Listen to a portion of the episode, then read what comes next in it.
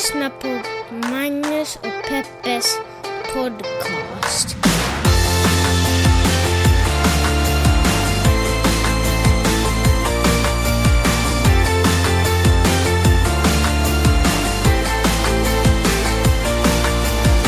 Hallå internet och hjärtligt välkomna! Jag hoppas att ni känner er till podcasten som heter Magnus och Peppes podcast. Och det är jag som är Magnus och det är Peppe som är Peppe. Den här podcasten är en sådan som pratar om de stora och de små händelserna i världen och så gör vi det ur ett feministiskt, journalistiskt och mediegranskande perspektiv.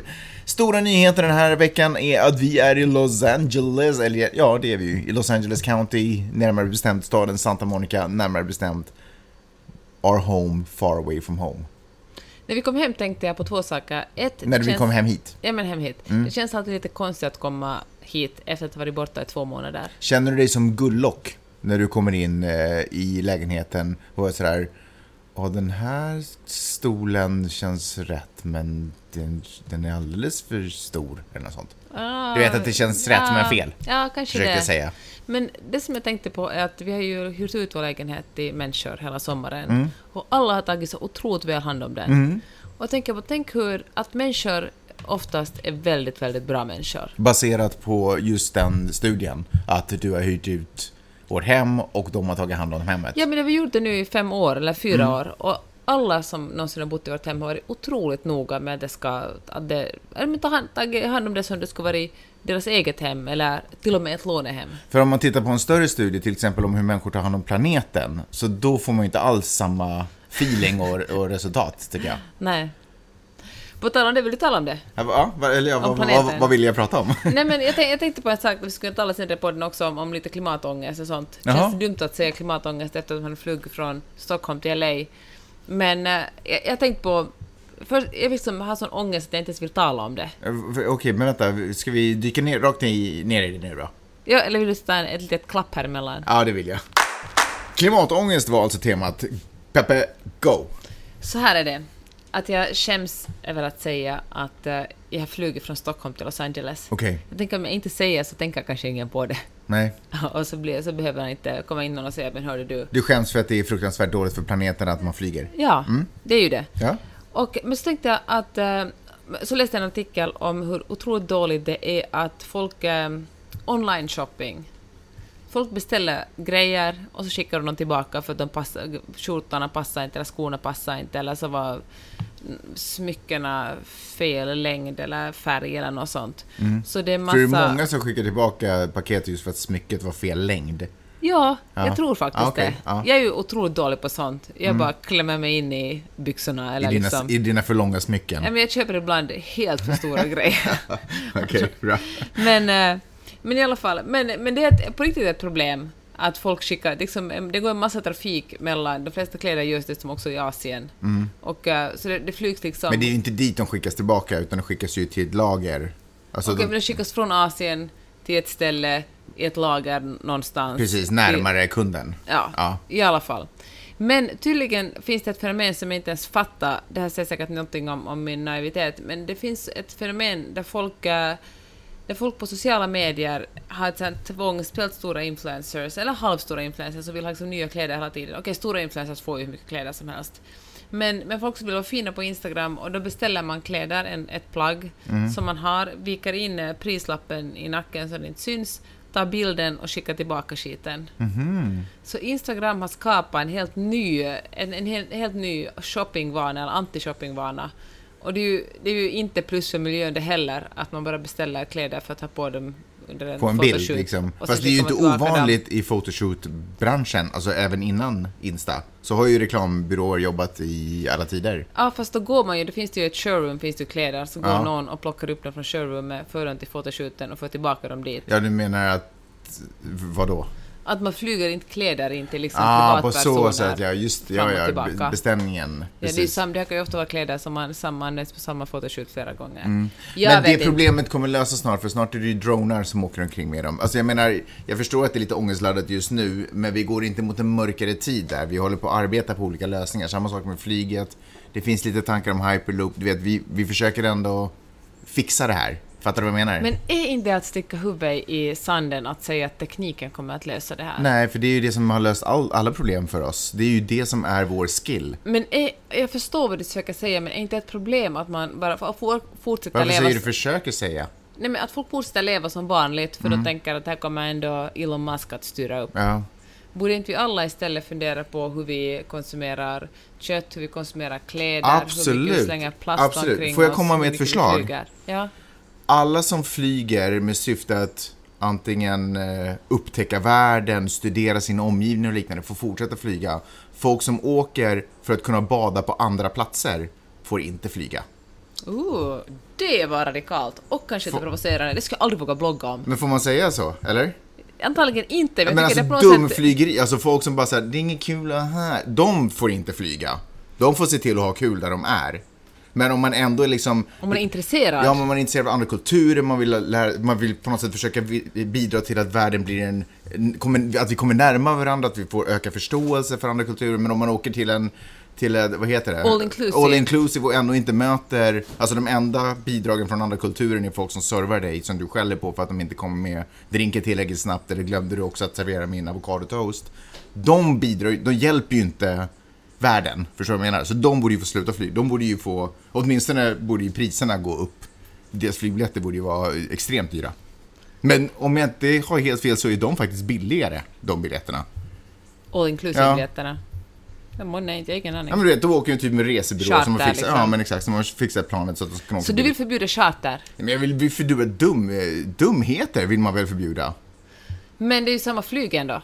Men du tänker att om man flyger, okej vänta så här jag, att om man flyger till ett ställe där, och där man bekantar sig med kulturen, Ja. så då, då får man, då liksom gynnas mänskligheten på något sätt, där blir man lite Precis, smartare. exakt. Men om man bara flyger till en all inclusive, För det måste väl ändå vara dumturismen som står för största delen av, och business. ja, resor. och transporter. Och alltså jag menar transporter. varutransporter. Ja. Men, så om vi, om vi kan skala av all, allt det idiotiska, varutransport är ju Men bra finns också. det nu en, finns det ett stänk av klassförakt här nu? Ja, fast jag vidhåller ju att det finns bättre och sämre människor. Ja just Alltså, det, ja, just det. Det, alltså jag, jag förstår ju att det inte är rätt och min, den enda som i princip skulle hålla med mig i världshistorien var en liten man med en liten mustasch under näsan. Ja, nej, nej, det finns såna partier nu också som du kan Ja, rösta på i valet som håller med dig. Men eh, det finns eh, bättre och sämre människor och eh, de till exempel de här partierna som vi pratar om, eller organisationerna, NMR och allt det där skiten, det är ju liksom föreningar med sämre sortens människor. De skulle till exempel in... De Du får ju. De får ju absolut inte flyga. Men borde inte de flyga förstå att människor är människor Nej, oberoende nej, man hur kan de inte- ser ut och vilka kulturer de kommer från? Man kan inte börja springa när man lärt sig gå. Man måste först sätta sig ner och läsa böcker och, och liksom förstå sin näromgivning innan man kan ta sig an de större uppgifterna som att förstå planeten och så.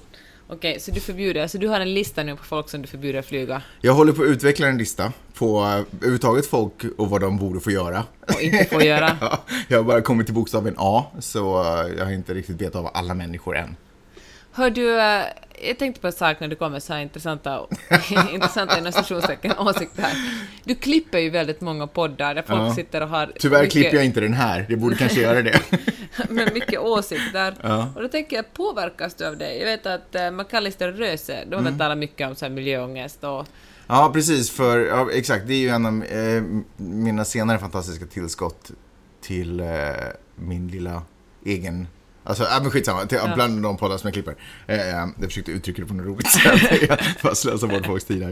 Eh, nej men precis, och, och Isabella McAllister hon har ju dragit ner med sin familj till Bali nu den senaste tiden. Så hon har ju mycket ångest över att hon har flugit dit och, och nu är hon där som en vit kvinna på någon annan, på en fattigare mans plats typ. Eh, bor i ett hus som ägs av, inte vet jag, typ någon annan rik typ. någon rik vit. Ja, men säkert någonting sånt liksom.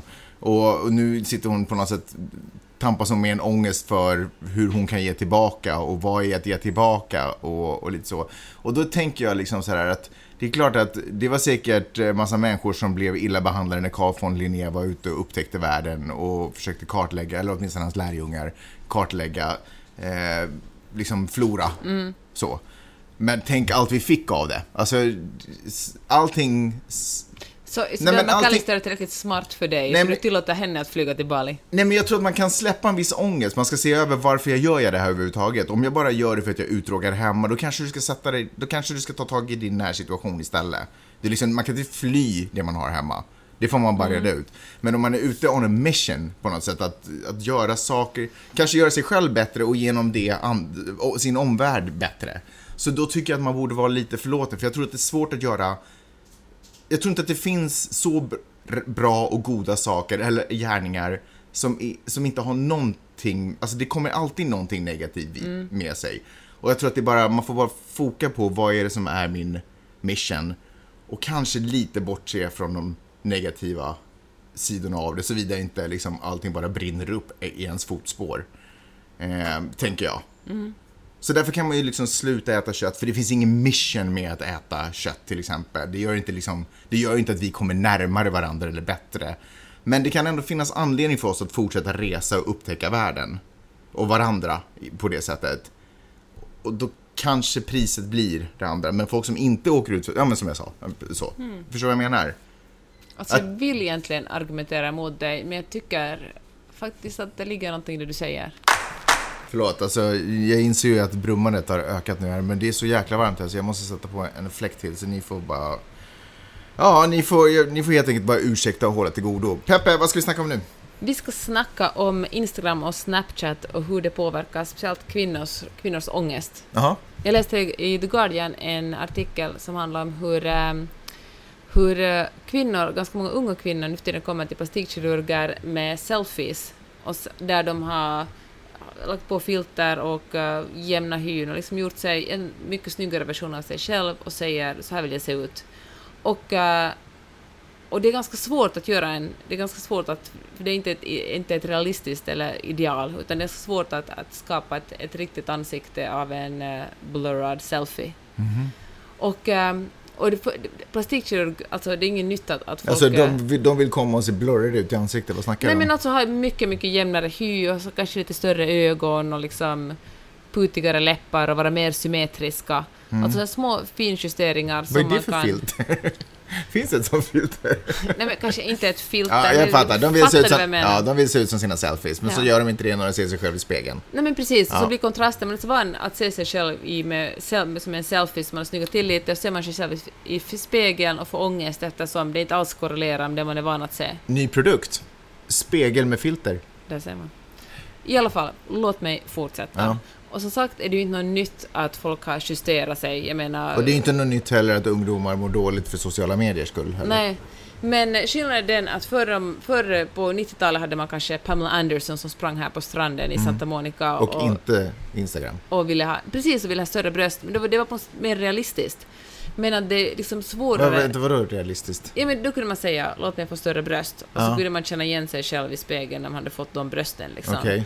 Men nu, nu när man ser bilder på Instagram så tror man att det är vanliga människor och liksom ens hjärna tror att det liksom, så här ser alla människor ut. För alla, de flesta människor snyggar till sig lite på, på Instagram och Snapchat. Mm. Och så normaliseras det utseende och ser man själv i spegeln och i verkligheten tänker man att men herregud, så här kan jag väl ändå inte se ut. Alla andra är mycket snyggare än jag, till och med jag är snyggare än jag. Och så försöker, söker man hjälp hos en plastikkirurg. Men, För- vad, men, okej, men vad, vad är din slutsats? Vad, vad har du... Nej, den här artikeln så, vet du, jag har ännu en, ännu en grej. De hade, alltså man hade gjort, det, jag lägger upp den här artikeln, eller ligger den på, på vår uh, Flipboard-sida så man kan gå och kolla där. Lägg den på Facebook-sidan istället. Ja visst, jag kan dela den där också. I alla fall. Så för alltså kvinnor, det är liksom ingen nyhet att, äh, att kvinnor i modemagasin är airbrushade. Det var då redan på 90-talet liksom och 2000-talet före sociala medier. Men det på något sätt har vi lärt oss det, så folk är medvetna om att det inte är realistiskt det vi ser i modemagasin. Men, det, men i sociala medier profilerar man sig som en riktig och vanlig person. Jag är ingen modell, jag är liksom ingen som, det är ingenting som finns på, på billboarden på, i, i tunnelbanan, utan jag är bara en vanlig människa. Men ändå så snygg, och det är det som på något sätt fuckar upp ens hjärna. Fast när du säger ens så pratar vi ju fortfarande om väldigt unga människor, eller hur? Så du fattar ju fortfarande att de här människorna på Insta också är till spetsade och vi ser en väldigt liten glimt av Fast det han- livet de vill porträttera. Så sant, men jag tror att folk fattar det, också jag förstår det i teorin. Sätter man, sätter man sig ner och talar om det så förstår man det. Men är man liksom instaberoende som jag är, eller liksom man kollar det flera gånger om dagen, så tror jag att, att eh, det normaliseras så. Man hinner liksom, den där rationella tankarna hinner på något inte riktigt med. Fast jag tror inte det ens stämmer, hjärna- för jag tror inte du är ens... Eh, du, det finns inte en procent i dig som är på väg till en plastikoperatör och för att fixa till dig så att du ser ut som din Insta-selfie. Men jag har gett upp Magnus. Nej men alltså seriöst, eller hur? Ja, nej det är sant. Okej, Nej, du är ju enough. inte det. Så det här är ju människor Ja. som inte har den spärren. Som, eller som, du vet, som inte har lärt sig någonting. Eller, jag menar inte det, utan som inte har fattat det här ännu. Och det tyder ju på att de A är ganska unga. Och B har eh, ett ganska dåligt support hemifrån. Fast är det Med verkligen hemifrån?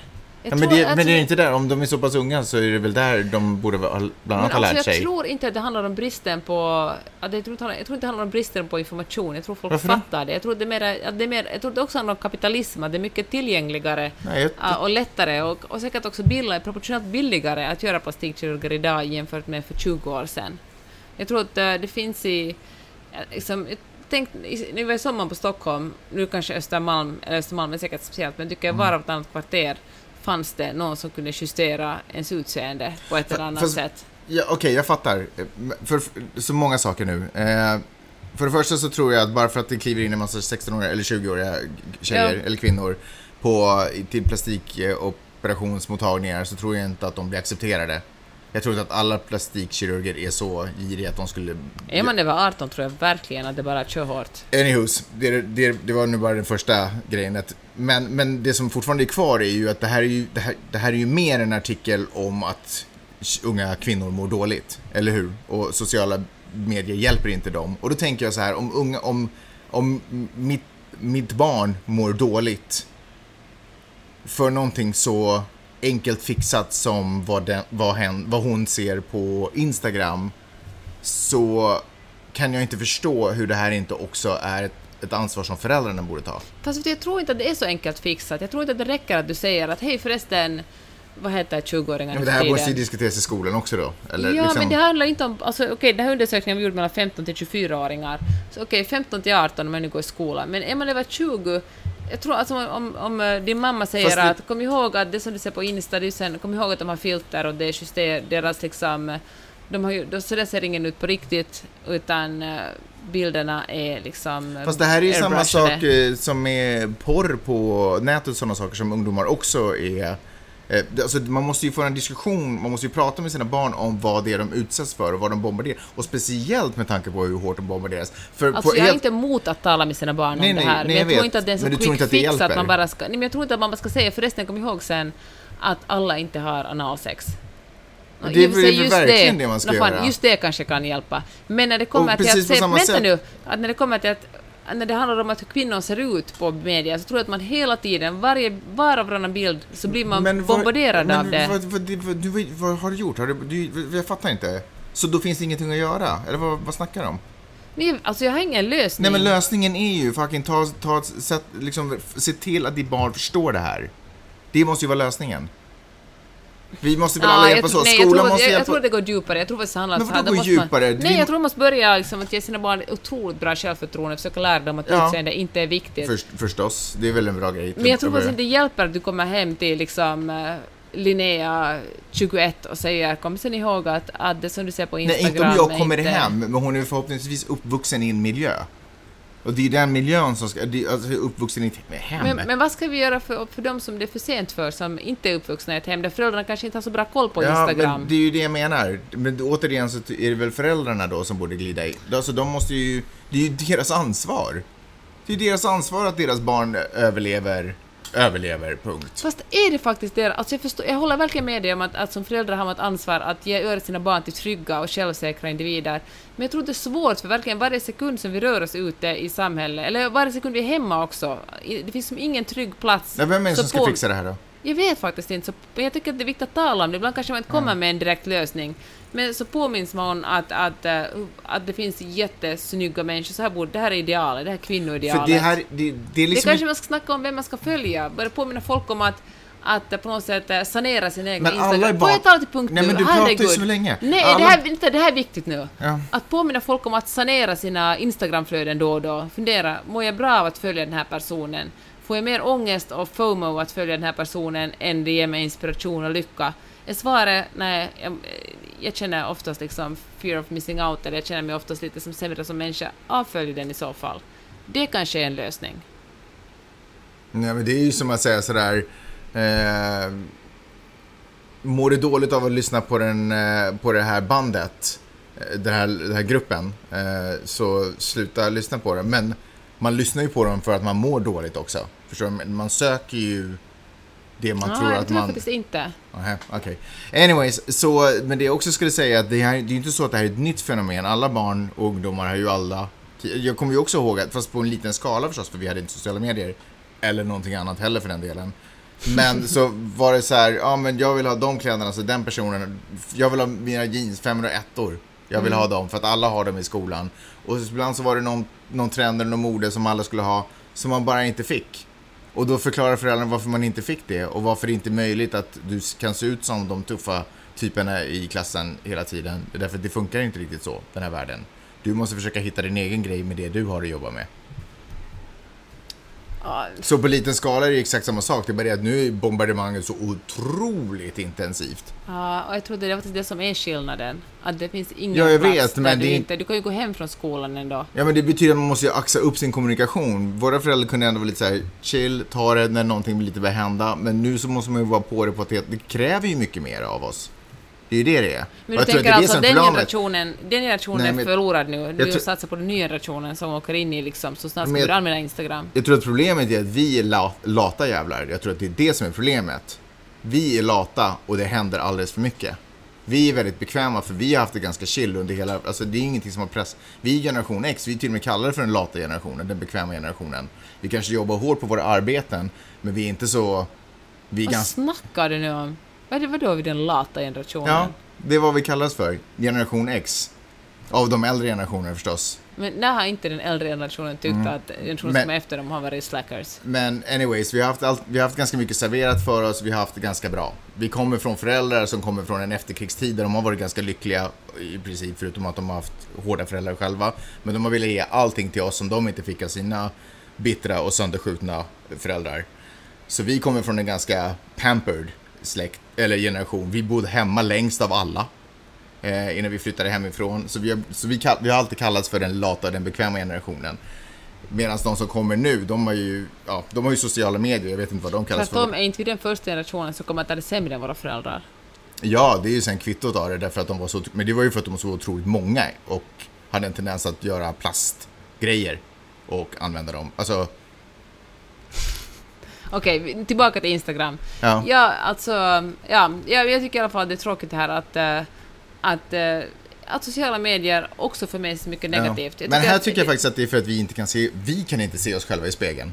Vi kan Ja, inte ta ansvar väl- för det här. Nej, okej, alltså du tänker att vi är föräldrar till 20-åringar? Nej, okej, sett men vi är de som är lite äldre. Men, äh, ja, men jag tror faktiskt att, ja, men jag tror faktiskt det bara handlar om lättja. Jag tror faktiskt att kan vi gå lite uppåt i åldrarna, folk som är i 50-årsåldern som har barn som är kanske mellan 20 och 25 då. Mm. Jag tror faktiskt att de inte riktigt, eh, de har liksom inte vuxit upp med Instagram så de kan inte riktigt förstå den. Jag tror ingen kan riktigt förstå vilket otroligt, vilken otroligt stark inverkan alla sorters sociala människor har på, med, har på, en, den här, på, liksom, på gener- vår generation som kommer Nej, jag efter oss. fattar det. Jag fattar det. Men det där att jag inte kan förstå... Det där att jag inte kan förstå och jag i- i- liksom... Allt det är ju svar på att man borde jobba hårdare. Ja, men jag tänker att inte Om man ens inte liksom, kan så måste man lära sig. Inte ens Zuckerberg kunde veta att, eh, att Facebook skulle kunna påverka ett helt lands demokrati. Nej, jag, menar, vet, förstår men nu att handlar det ju inte om att förutse den ekonomiska liksom, tillväxten i landet, utan nu handlar det ju om att ge sitt barn en, en korrekt självbild och en korrekt självkänsla och en förståelse för hur... eh, Men nu hur- kanske vi går i cirklar här, men jag tror faktiskt att, att jag undrar om det räcker. För jag tror att den är så massiv, den informationen som man får från att hålla liksom, Instagram i sin hand hela tiden, att trots att man på en rationell nivå förstår att eh, jag duger som jag är som människa, Ja. när, man ser all, när man ser att alla andra är perfekta, Mm. så tror jag att det liksom att steget är inte så långt att försöka fixa sig själv perfekt också. Ja, jag förstår. Du verkar ju inte vara villig att ta ansvaret, så vi hör ju vem det är som har de här samtalen med Miley och vidare om några år. Kul. I torsdags gick 350 eh, nyhetstidningar, magasin, nyhetssajter, TV-kanaler håller jobb om nyheter ut med ledartexter som försvarar den fria pressen. president Donald Trump har ju ända sedan han blev vald och också faktiskt före han blev vald gått ut och också att underminera den fria pressens eh, trovärdighet, kallar det som, en, som ett oppositionsparti och kall, använt fake news och, eh, och sagt att medierna bara hittar på och ljuger. Och, och, och det är ju ett jättestort problem i en demokrati, för i en fungerande demokrati finns det ju någon som granskar makten och ifrågasätter politiker och gör det såklart oberoende. Det finns liksom ingen politisk agenda bakom dem.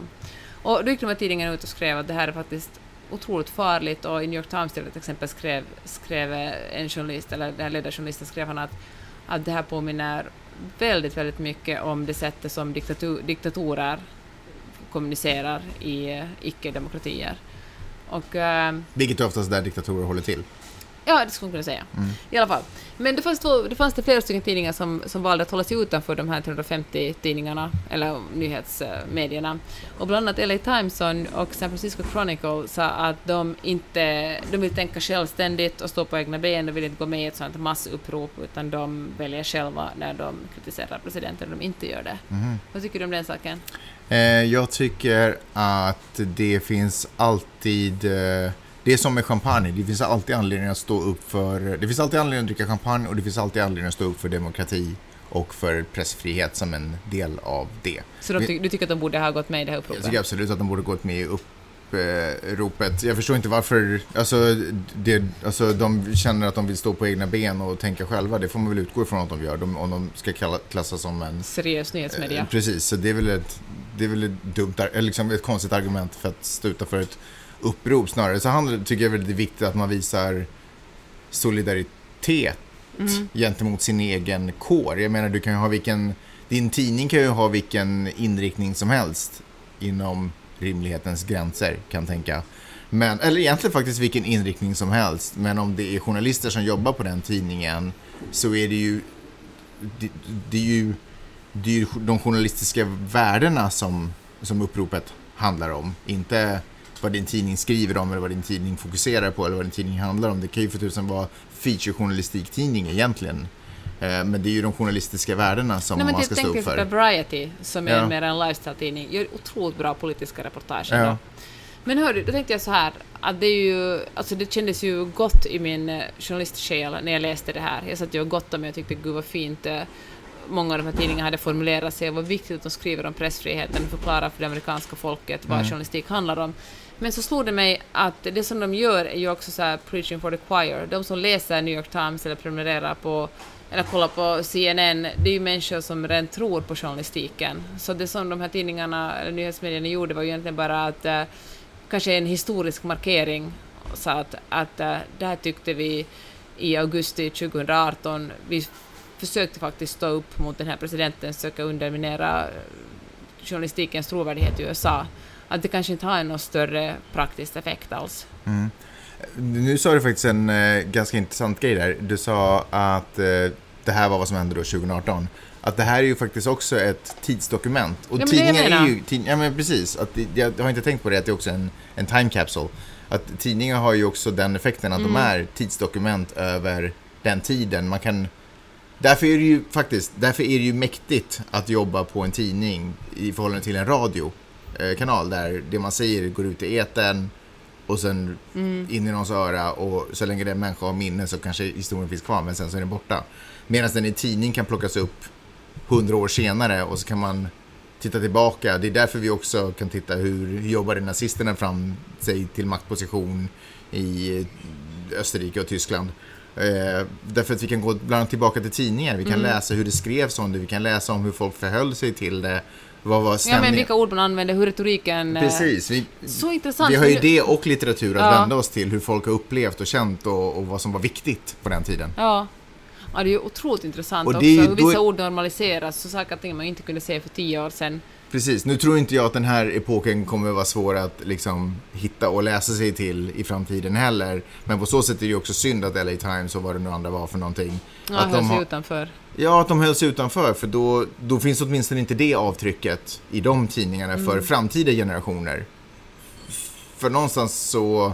Man skriver naturligtvis för sin samtid, tänker jag, som inte ens är en skrivande journalist. Åtminstone så rapporterar man för sin samtid. För att För För det att, måste man ju göra. ja, men för att också folket ska ha möjlighet att fatta rätt beslut när det kommer till kritan om hur, vilken väg vi ska röra oss och vilka... Rätt beslut, beslut för dem själva alltså, inte för tidningen. Nej, nej, ja men precis. Alltså man vill ju... Det, det är någon form av konsumentinformation och för att folk ska kunna fatta korrekta demo, eller mer välgrundade demokratiska beslut när de till exempel går till valurnor eller vad tusan de än gör. Eller om de är... Om de undrar varför ens mamma inte får vård eh, som hon ska ha på eh, vårdhemmet så, så kanske de får en förklaring och där också får möjlighet att sen eh, flytta sin morsa eller vad fan som helst. Ja, whatever, du vet vad jag menar. Eh, men en, sen en annan grej också, det här med preaching to the choir, är ju också att, eh, jag tror att vi har pratat om det tidigare när det kommer till eh, till exempel va- varför jag i alla fall, eller sådär, säkert du också, varför man ger sig in i vissa Facebook-diskussioner som till, till synes helt meningslösa egentligen. Därför att argumentation, personer man argumenterar med kommer man aldrig att omvända. Nej. Eh, men det finns en poäng och det är ju att på något sätt så blir det ju en arena som folk också betraktar. Och det som jag tänker mig att de kan få ut av det är att om man ser en, en stark röst, kanske inte nödvändigtvis min, men om man ser en, en, en stark röst och en med, bestäm, med, med tydlig eh, åsikt och, och, och, och argument så kan man lära sig av de argumenten. Så nästa gång när den personen står i någon annan situation så kanske, kanske den kan erinra sig några av argumenten som den har läst på Ja, Facebook. sätta ord på sina egna tankar. Man Precis. tycker att jag tycker som den här personen, men jag vet Exakt. inte hur jag ska formulera mig. Exakt. Boom, här är formuleringen. Exakt. Och Preaching to the Choir stämmer ju för sig, men det hjälper ju också The Choir i sin argumentation när alla band, körmedlemmar ger sig ut i världen och stöter på sina egna patruller eh, med rasistiska fördomar eller antidemokratiska värderingar som att man är emot pressfrihet och sådana saker. Så då har ju kanske sån här upprop hjälpt och stärkt i de, argument, de ögonblicken i, för argumentationen. Så då, de är ändå, det är alltid viktigt att, att lyfta upp det. Tycker jag. Ja, det är faktiskt en superbra poäng. Och jag tänker att det är också en super, jättebra påminnelse, för jag, det är ganska sällan som jag ger mig in i diskussioner på Facebook, för jag orkar inte, för det är så tidskrävande. Men kanske man faktiskt borde göra det ibland. Ja, men ibland så är det bra att säga ifrån. Dels för att man måste säga ifrån. Men samtidigt så har jag också tagit lite, det har vi också snackat om tidigare, men jag har också tagit lite ställningen att om 200 pers redan är där så behövs det inte 201. Nej. Det, det är liksom, det hjälper inte. Man behöver inte, vi är inte blodhundar liksom. Vi, eh, man vill föra en diskussion och man vill föra en argumentation eh, som ändå någonstans ska gå framåt. Vi behöver inte Ja. Men du menar att det är lätt att Det hoppa, på, att hoppa på liksom... Ja, men det är jag otroligt ordet lätt. drev, men liksom att... Nej, fast när det, någon annan det är liksom... drev liksom. Ah, fast jag tycker att drev är också, det har vi talat om tidigare, som kanske slängs in lite för snabbt och lätt. Så fort någon blir kritiserad så, så kallar det ett drev. Ja, men, det, Men jag fast, tänker så här, det är ganska det är modigt att vara den som först säger nu får du fan eh, vara tyst för det som du sa just det är rasistiskt. Eller man Ja. kan ju säga det på ett annat sätt också. Men, eh, men det är fegt att vara den 201 som hoppar med när någon annan redan har gått i, i främsta linjen. Verkligen, för det är ju... Det, ju, Det finns ingenting, man riskerar ingenting då. Exakt, det är ju precis det. Men, eh, men eh, också, men, det här, men jag skulle bara säga det här med som vi drev, att sådär, så fort man blir kritiserad så säger man att det är drev. Men det är ju oftast för att kritiken kommer från 40 pers. Och det är ju helt onödigt. Det räcker med två, eller en, Ja. eller fyra. Men Liksom. verkligen, Det, det är måste sant. inte vara 40 som säger samma sak och skjuter på exakt samma, oftast ganska billiga eh, poänger. Liksom. Ja, det behöver ju inte vara billiga heller. Nej, whatever. Men du Eh, menar att, det blir mer, att vara en del av ett drev blir mer identitetsskapande och profilerande för sig själv som person än för sakens skull? Precis, lite på samma sätt som nu när Rita Franklin do- dog så är det viktigt att, okej det var kanske då ett exempel för det är hemskt många i Sverige, eller hemskt få i Sverige som har bilder tillsammans med sig själva och Rita Franklin. Men till exempel Barbro Svensson när hon dog. Ja. Hur man, liksom, man vill gärna profilera sig också, eller överhuvudtaget när folk kändisar dör, hur folk i världen profilerar sig i de här ögonblicken också. Frid vare över hennes minne. Kul kuriosa kring det där är att hon dog på samma... Hon har samma dödsdag som eh, Elvis Presley. Vad är oddsen? Jag, vet inte, en sån liten grej men ändå lite konstigt i min värld. Det, när vi, det var inte roligt speciellt, men när vi kom och tog en uh, Uber från LAX var det ungefär det första som vår uh, chaufför sa. Mm. Vi var här, vad har hänt? Han bara, jag är ledsen att berätta det här, men Aretha Franklin är död. Och så spelade han hennes musik hela resan hem. Ja, det var ju inte han, det var ju radion som var på. Men, Men tack för att du förstörde min historia. mm, varsågod. En uh, gladare grej som hände är att Madonna fyllde 60. Ja, varför var det glatt då? Ja, men jag tycker att Madonna är så cool. Madonna, Fortfarande? Alltså jag älskar henne så mycket. Ja, vad har som- hon ens gjort de senaste åren? Allt. Hon har ju fan gjort allt. Men alltså Inte jag, de senaste åren. jag får ändå säga att jag har älskat Madonna sen jag var tonåring. Det där är så, det där är så eh, profilerande av dig att säga att du älskar. Det är Nej, så men jag lätt att har säga. faktiskt är gjort så, det. Jaha. Men jag, handen på hjärtat har gjort det. Mhm. Sen kan jag säga att Inte ens det lyckades du med. Du satte handen Nej, men- helt på typ halsen, fel sida också. Okej att jag inte är världsbäst på anatomi. I alla fall jag älskat Madonna. Sen kan jag med handen på hjärtat säga att under vissa perioder i mitt liv när jag känt mig, jag haft ett sämre självförtroende. Roligt att du kände har- tvångstanken verkligen nu sätta Nu handen håller, på jag, nu hjärtat. håller jag ena handen på mitt bröst i alla fall.